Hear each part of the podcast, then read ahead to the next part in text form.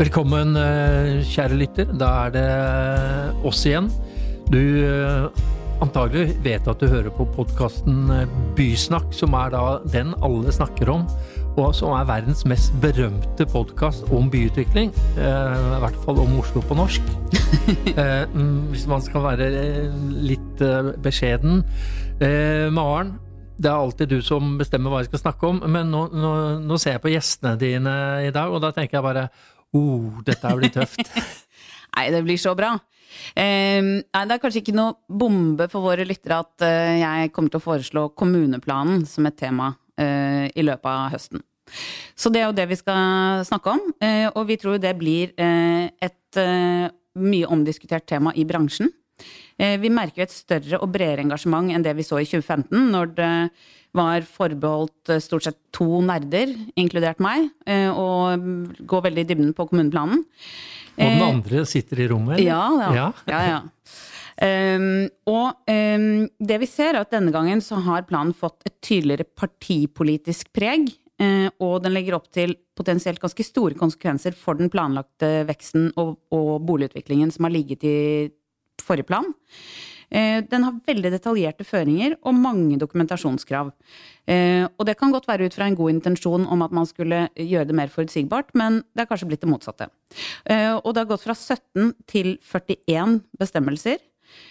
Så det spørsmålet jeg stiller meg, er trenger man nå juridisk embetseksamen for å fullt ut forstå planens implikasjoner? Og for å svare på det, så har vi da, eh, ikke tilfeldig valgt, tror jeg, to advokater, jurister. Eh, Anne Sofie Bjørkholt i Bar. Eh, Henrik Taubøl eh, i Hovin. Men, Han er nerd nummer to? Ja. ja og jeg, er, jeg, er ikke i den nerdegjengen. Hva nevner det? men, det er, ja, men Maren innrømmet en gang at hun faktisk satt, eller, hadde kommuneplanen på nattbordet. Ja, overrasker meg ikke. Jeg tror Henrik også har det. Ja. Det stemmer. Eh, men bare for å sette litt av en ramme nå, må jeg, jeg må ta, ta, vare på lytteren som ikke nødvendigvis er tungt inne i dette. Men kommuneplanen er jo kommunens styringsdokument, så det burde vi e, egentlig alle ha et forhold til. Den er delt i samfunnsdel, som politikerne er mest opptatt av, som er da de politiske målsetningene og vil. Og så etterføres det av en arealdel, som, er da, som skal gjøre grunn til hvordan vi håndterer arealene for å innfri de politiske målsettingene. Eh, og starte med deg, Anne Sofie. Jeg regner med at du har brukt eh, hele sommeren, deler av høsten, på å lese denne kommuneplanen. Men sånn, hvordan, kan du, hvordan er denne innretta som dokument? Liksom, ser du de samfunnsmessige målsetningene der, eller bare går du fort inn i sånne juridiske spissfindigheter? Nei, jeg syns jeg ser det overordnede også, og jeg syns jo det var ganske mye altså Jeg er litt opptatt av godt språk, og jeg syns det var godt språk, at det var gode illustrasjoner osv. Men, men så beveger vi oss inn i noe som nesten er et slags lovdokument, eh, men som ikke er skrevet av jurister. Eh, så det blir litt sånn kvasi. Eh, er det, dette er ganske sånne faste regler, eh, og så er det samtidig skjønnskriterier, og så er det ikke skrevet Maren spurte om man har juridisk embetseksamen. Jeg håper da virkelig ikke det, for vi, det er jo ganske ikke mange som jobber med utvikling. Ikke heller, for jeg er bare halvstudert jurist, sånn at det er et problem hvis, jeg, hvis, det er svaret. Men det skal være mulig å forstå planen. Ja. Og det er faktisk ikke så veldig lett. Fordi at du har den kombinasjonen mellom faste regler og skjønnskriterier, eh, og likt og ulikt, og noe er overordnet, og noe er ekstremt eh, spesifikt. Mm. F.eks. hvor hunder kan gå. Ja. Og det er jo, eh, bare for en supplering der, så er jo noe av poenget er jo at nå sitter vi her og nøler på dette, men, men uh, denne planen skal jo være et verktøy for arkitekter, planleggere, uh, helst være ganske forståelig for utviklere. Uh, selv om det er jo en bra business case for Henrik hvis utviklerne sliter med å forstå det. Sånn at det er jo noe med nivået på det.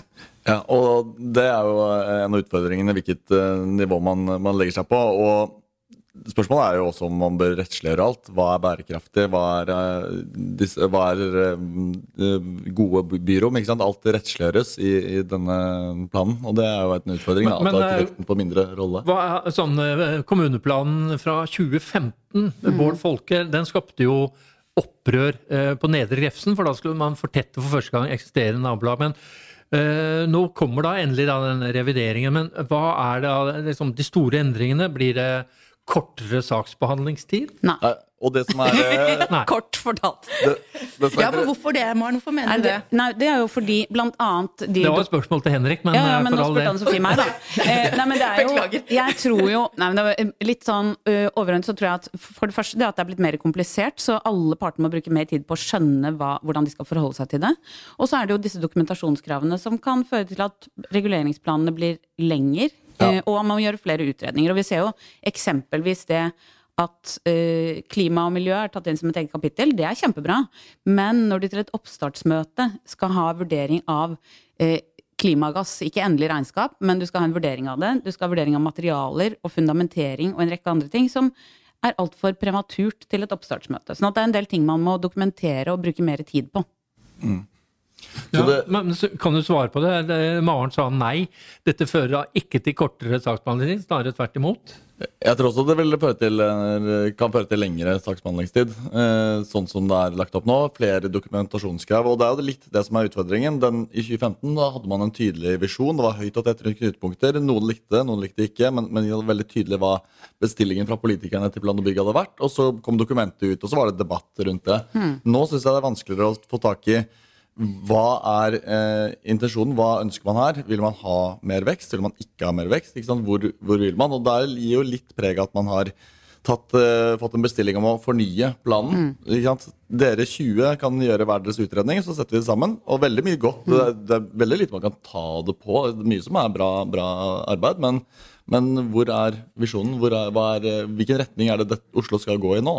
Og så er det jo, altså kan jo si eh, at eh, nettopp det der at man eh, i den forrige planen hadde en tydelig visjon for vekst, mens her er det for meg, når jeg leser i bestemmelsene, ikke bare i planen eller samfunnsdelen som kom for tre år siden, men, men bestemmelsene hvor det skal tilrettelegges for tilstrekkelig volum, men absolutt ikke mer. Altså, ikke? Det er en sånn begrensning at vekst er et nødvendig onde man helst ikke vil ha. Eh, Og også når man i bestemmelsene sier at kvalitet skal prioriteres foran eh, volum og utnyttelse, eh, så er det også for meg en veldig sånn antiutviklingsmåte å si det på, istedenfor å si at bygger du høyt og tett, så skal det være særlige kvalitetskrav. Vi har jo snakket om density benefits før, ikke sant? At det er en, mens du sier at hvis ikke du greier alle kvalitetskrav, så er svaret å nedjustere volumet. Ja, det er jo ikke alltid løsningen. Og det, synes ja, det overrasket meg så veldig, og det sier de allerede helt i starten, at eh, 2015-planen var preget av kvantitet, og nå skal vi over på kvalitet. Og så tar de ned høyder, og så tar de ned ugrad i disse her utviklingsområdene som skal bære veksten. Og det er veldig interessant, fordi spørsmålet er jo om dette da viser en ideologisk forskjell med MDG, som ble kasta litt ut til det sist gang. Alle stemte for planen. Eh, Nå er spørsmålet om MDG tenker at er egentlig vekst eh, godt for klimaet, eller er det, burde vi ha mindre vekst? da? Eh, og det ser man jo der. Eller, og Arbeiderpartiet og mm, MDG kanskje har viser de forskjellene mellom seg. Og det er jo et prinsipp som har kommet opp i det siste, dette med arealnøytralitet i kommuneplaner. Og det handler jo om at hvis du bygger ut noe, så må du gi noe til Tilbakeføre tilbake. grønt areal. Ikke sant? Er det disse tankene som nå er inne? Men nå virker det egentlig som om dere ikke syns dette er en god plan fordi dere er ideologisk uenig. Nei, men det er vel noe av problemet med det. Så kan man si um, skal man ha vekst eller ikke, men, men da må man jo i hvert fall være tydelig hvis det er et skifte på retningen. Fordi noe av utfordringen også er jo at det kommer Altså det blir uklart når man har f.eks. ta Skøyen står fortsatt som utviklingsområde. Når man har en plan, områderegulering som man har jobbet så mye med, og så kommer det en lavere utnyttelse enn det som ligger der. Hva, da skjønner jeg jo at man som utvikler tenker at ja, men hva skjer nå?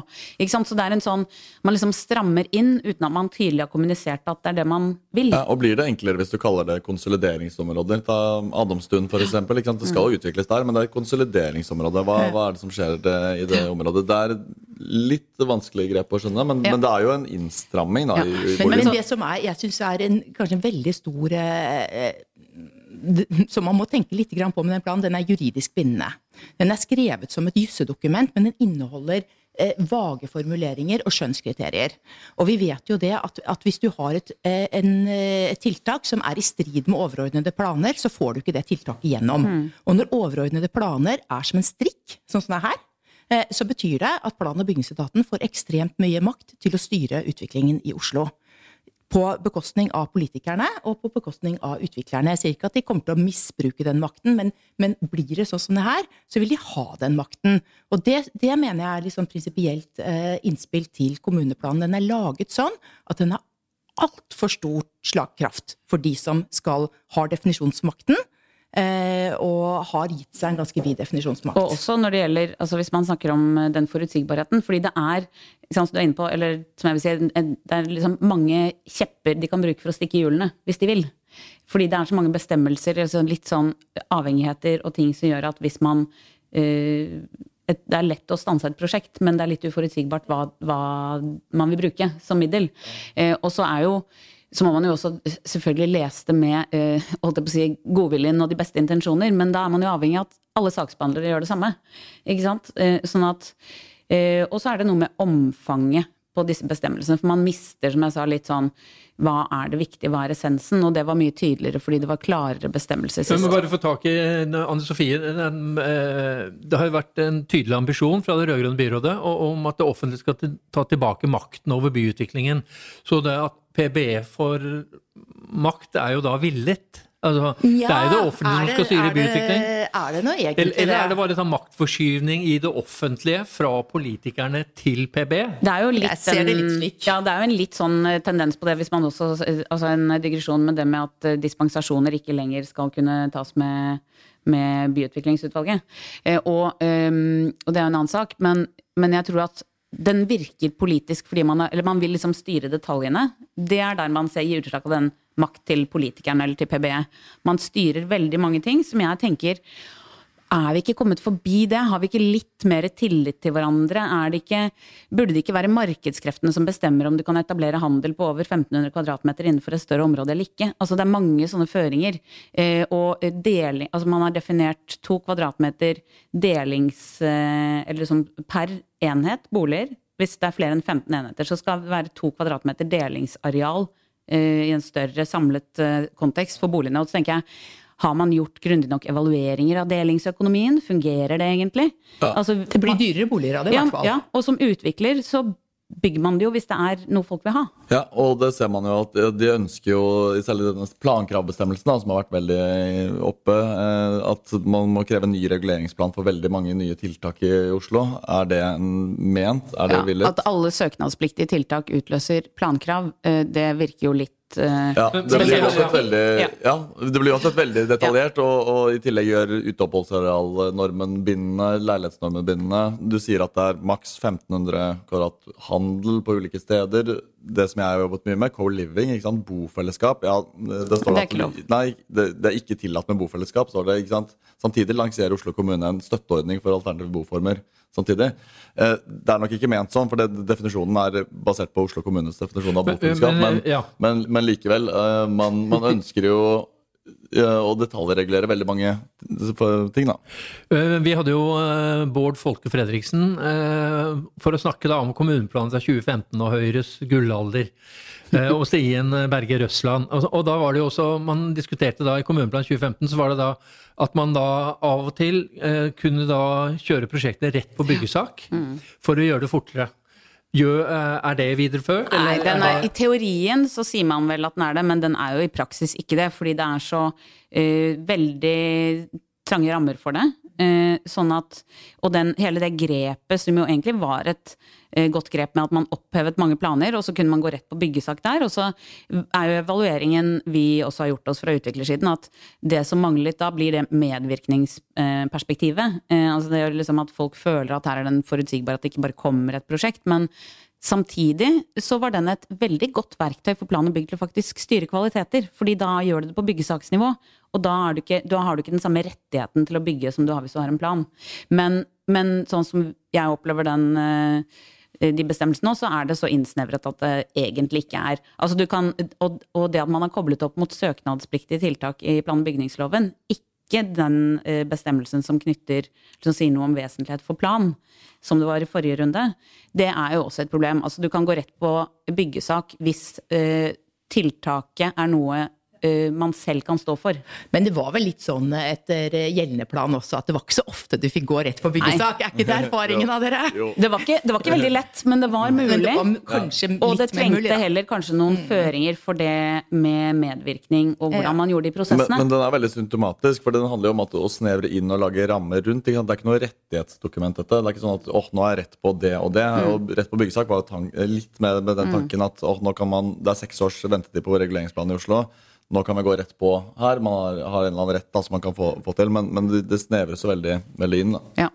Så i den grad det ble brukt lite før, eh, så vil det nok knapt være mulig å gjøre. Men, men er det da Du blir jo veldig utvikler nå, men det er jo sånn eh, utviklerne liker ikke dette dokumentet. Men det er jo sånn, Anne Sofie, du mener altså advokat, eller de som har juskompetanse, liker det heller ikke? Nei, jeg For det er altfor mye skjønn? ja, Men Jeg ville altså, ikke skrevet no... en lov på den måten. Hvis jeg Men- hadde skrevet men- en lov, så hadde jeg ikke skrevet den sånn. Men er det noe positivt å si Ja. om den? Ja, men altså jeg tenker eh, sånn innledningsvis så var jo vi positive til en del ting som ble introdusert som nye grep, ikke sant. Så, eh, sånn som det med eh, større differensiering av områdene. Men så går man ned i detaljene og man hvis man først skulle differensiert utviklingsområder, så bør man jo virkelig gjøre det. Ikke si at det er 22 meter høydebegrensning som man har sett på Frogner, og så gjelder det også for næringsbygg. Eller, det, og i alle områder. Så det er en del sånne tank, jeg føler at tanken er god, og så har man kanskje dratt det litt for langt. Eller det er, eh, så jeg føler at eh, altså, Positivt også er jo at man legger ut en plan som jeg opplever at man genuint vil ha innspill til. Eh, Og jeg tror mye av dette handler om omfanget av bestemmelsene. Og detaljeringsgraden, og litt å sortere hva er det en kommuneplan skal si noe om, og hva skal den ikke si noe om. Ja, og- og så er det jo, eh, bare for å fullføre det også, så er det jo positivt, selv om noen syns de har liksom litt sånn eh, eh, dokumentvasking med at alt legges ut. Men jeg syns det er positivt sammenlignet med forrige kommuneplan, hvor man ikke fikk se så mye av forarbeidene, hva man hadde tenkt. Det Det er det jo bedre, og da er det lettere å komme med kvalifiserte innspill også. Ja, og det ser jo at Plan og bygg strekker ut en hånd og ønsker endringer. Og det, det, og det bærer jo Jeg syns det er mye godt arbeid der. Du, mye av bestemmelsene er jo gjort eh, grundig og tenkt veldig nøye igjennom, så, så det er jo veldig bra. Det er mer men- om det hører hjemme i en kommuneplan, ja, noe av det. Noe av det, ikke sant? Som du snakker om med hunder. Ikke sant? Burde det stå i kommuneplanen, eller burde det stå på et skilt ved vannet? At du ikke skal, Du skal at ta med avføringen Ikke sant? Eller så burde det stå i kommuneplanens paragraf eh, 41. Eh, og det er eh, interessant. Og så er det jo en del ting som, som støykartet. ikke sant? Eh, Det står at det er lagt ut med et støykart, men det støykartet er fra før Bilfritt byliv, så det er et utdatert støykart. Eh, Men det kommer et nytt støykart. Men dokumentet ligger jo allerede til høring. Og så kan du si at ja, vi har en veldig lang høringsfrist, og de legger det veldig innenfor lovens høringsfrist. Så kommer det nye støykartet. Men, men det, er jo, det er jo en del sånne ting som, som altså, Dokumentet er lagt ut for å bli oppdatert. Ja. Men jeg tror jo også at vi, altså som eh, Nå høres vi jo veldig sånn uh, Det er bare fordi vi er så engasjerte og så nerdete at vi høres litt sånn uh, hektisk ut. Sånn at overordnet så tror jeg at det å faktisk få til den dialogen med politikere, plan og bygg og ulike aktører, og at vi i OMA, da, vi har jo nå liksom startet et løp hvor vi har ulike samtaler. Jeg tror man må dykke litt ned i temavis. Altså hvis man tar klimavurderingene, der må man jo se på ja, hva blir dekket av taksonomien, hva blir dekket av det man allerede gjør. Ja, men Da trenger man kanskje ikke ha det der. Altså Det krever en litt sånn grundig faglig tilnærming, sammen med bokvalitet. Eh, de juridiske, prosessuelle temaene. At man finner et riktig nivå. For det som er utfordringen nå, er jo litt sånn hvem er dette et godt verktøy for? Eh, og at man må kanskje jobbe litt med det da, for å få det til å Det er jo et demokratisk problem at dokumentet er så svært og komplekst at det er nesten umulig å, å finne ut og inn av det. Eh, og da går jo det utover kvaliteten på de innspillene man får òg. Så jeg syns jo det også er liksom et lite tankekors her. Det er likt og ulikt på ethvert nivå. Men, men den kan jeg ane, ane det også, en sånn overordnede glidning det er jo sånn, i samfunnet generelt, er jo da at det politiske handlingsrommet utarmes fordi alt skal rettighetsfestes.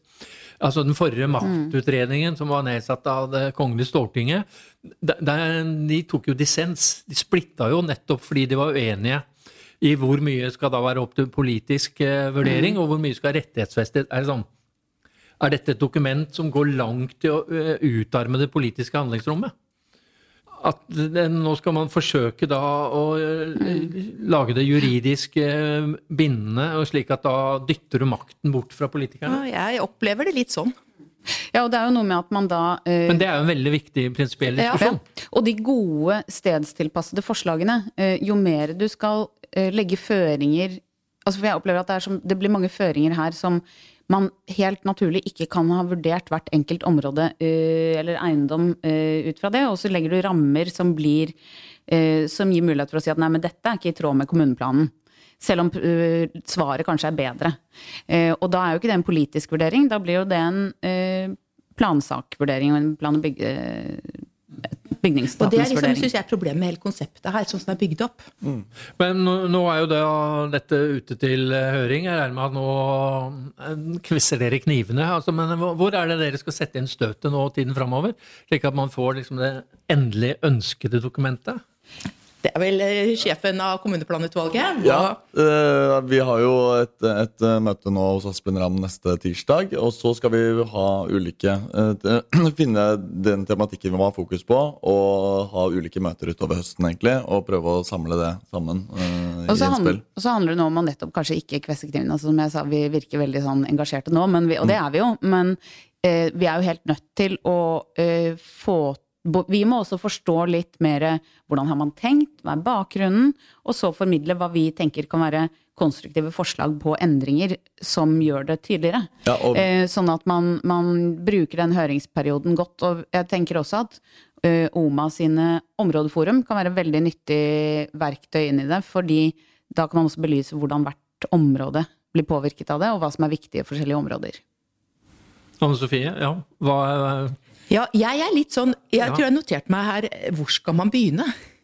Eh, og det syns jeg er litt vanskelig. Eh, for én ting er jo innspillene fra de som F.eks. så har jo boligutviklerne en masse innspill og mener at volumet tas ned, og det er et problem. Eh, og så vil vel næringsutviklere ha tilsvarende, og så vil nabolagene ha tilsvarende. Så det er liksom hva slags nivå, og hvordan skal vi angripe dette? Det baler jeg litt med, eh, og det baler jeg jo litt med når jeg leser det også. For det er jo, dokumentet er full av gode innspill og intensjoner. Mm. Men eh, så jeg vet ikke, men jeg ser jo fram til det arbeidet som Henrik skal lede utover høsten. Og Det er veldig godt poeng av Anne Sofie. Det er jo nettopp derfor jeg sier også det at vi skal identifisere de riktige temaene. Fordi det er så mange ulike temaer man skal se på. Og jeg opplever at Plan og bygg ønsker en positiv dialog, og, og, og at de er åpne for en god del innspill der. Men, men hvor skal man begynne? Hvilke temaer skal man ta? Det skal vi finne ut i tiden fremover, og så skal vi komme med våre, våre innspill for å gjøre dette best mulig. suverent? Eh, Er det siste ord sagt nå? Jeg, jeg, ikke da utover høsten, men eh, og heller om denne kommuneplansarealet. altså, men vi får vel heller si at dette er litt sånn starten på å begynne å nøste i de forskjellige temaene. eh, og om det er mulig å ha en sånn helt tydelig retning hvor man begynner og hva man slutter med. Men jeg, tror, jeg har jo tro på å dele inn i litt temaer, få til god dialog og koble på fagkompetanse. eh, sånn at vi får et godt bilde også av hvordan dette blir forstått og kan bli brukt. Jeg bare merker jeg blir lett deprimert. Jeg har jo et sånn uh, forbilde om inkrementell uh, byutvikling, som er egentlig the science of muddling through. At dette ordner vi. Altså Man setter seg ned, og så løser man ethvert problem. Uh, men men den, den, dette forslaget til uh, arealdel for kommuneplanen, så merker jeg at dette blir nesten umulig. Jo, ja, jo nei, det gjør ikke det. det, det Jeg gikk inn og var litt sånn oppløftet. Nå er jeg deprimert. Oh, jeg Ja, beklager. men Dere har gjort meg nei, men du deprimert. kan si jeg gleder, jeg gleder meg til eh, Jeg skulle sitte på kafé i Roma og lese kommuneplanen uh, i sommer. Jeg må innrømme at det, jeg var ikke entusiastisk nok til å gjøre det. Men uh, jeg har jo veldig tro på uh, det å få til en bearbeiding av dokumentet i eh, den høringsprosessen som kommer. Og jeg tror det kommer til å bli bra. Jeg er ikke bekymret for det, egentlig. For jeg tenker at her, her ved riktig tilnærming, senke skuldrene litt eh, og gå i dialog. Eh, Da var det siste ord. Jeg tenker også fordi eh, hele byutviklingsutvalget hører jo på dette her. Og det eh, Da vil jeg bare si til eh, James og Line og Sigrid og Håkon bare Dette er eh, Bysnakks høringsuttalelse til dere. Og vi forventer da at uh, før dere mener noe som helst, så har dere hørt på denne episoden, alle sammen. Og takk for, til dere andre òg, som ikke sitter i byutviklingsutvalget, for at dere hørte på. Har dere da fulgt med hele veien helt til nå, så skal du få medalje av eh, meg. Takk for at dere kom, Anne Sofie og Henrik. Takk for det. Takk til deg, Maren. Eh, Vi ses hvert øyeblikk, men takk for i dag.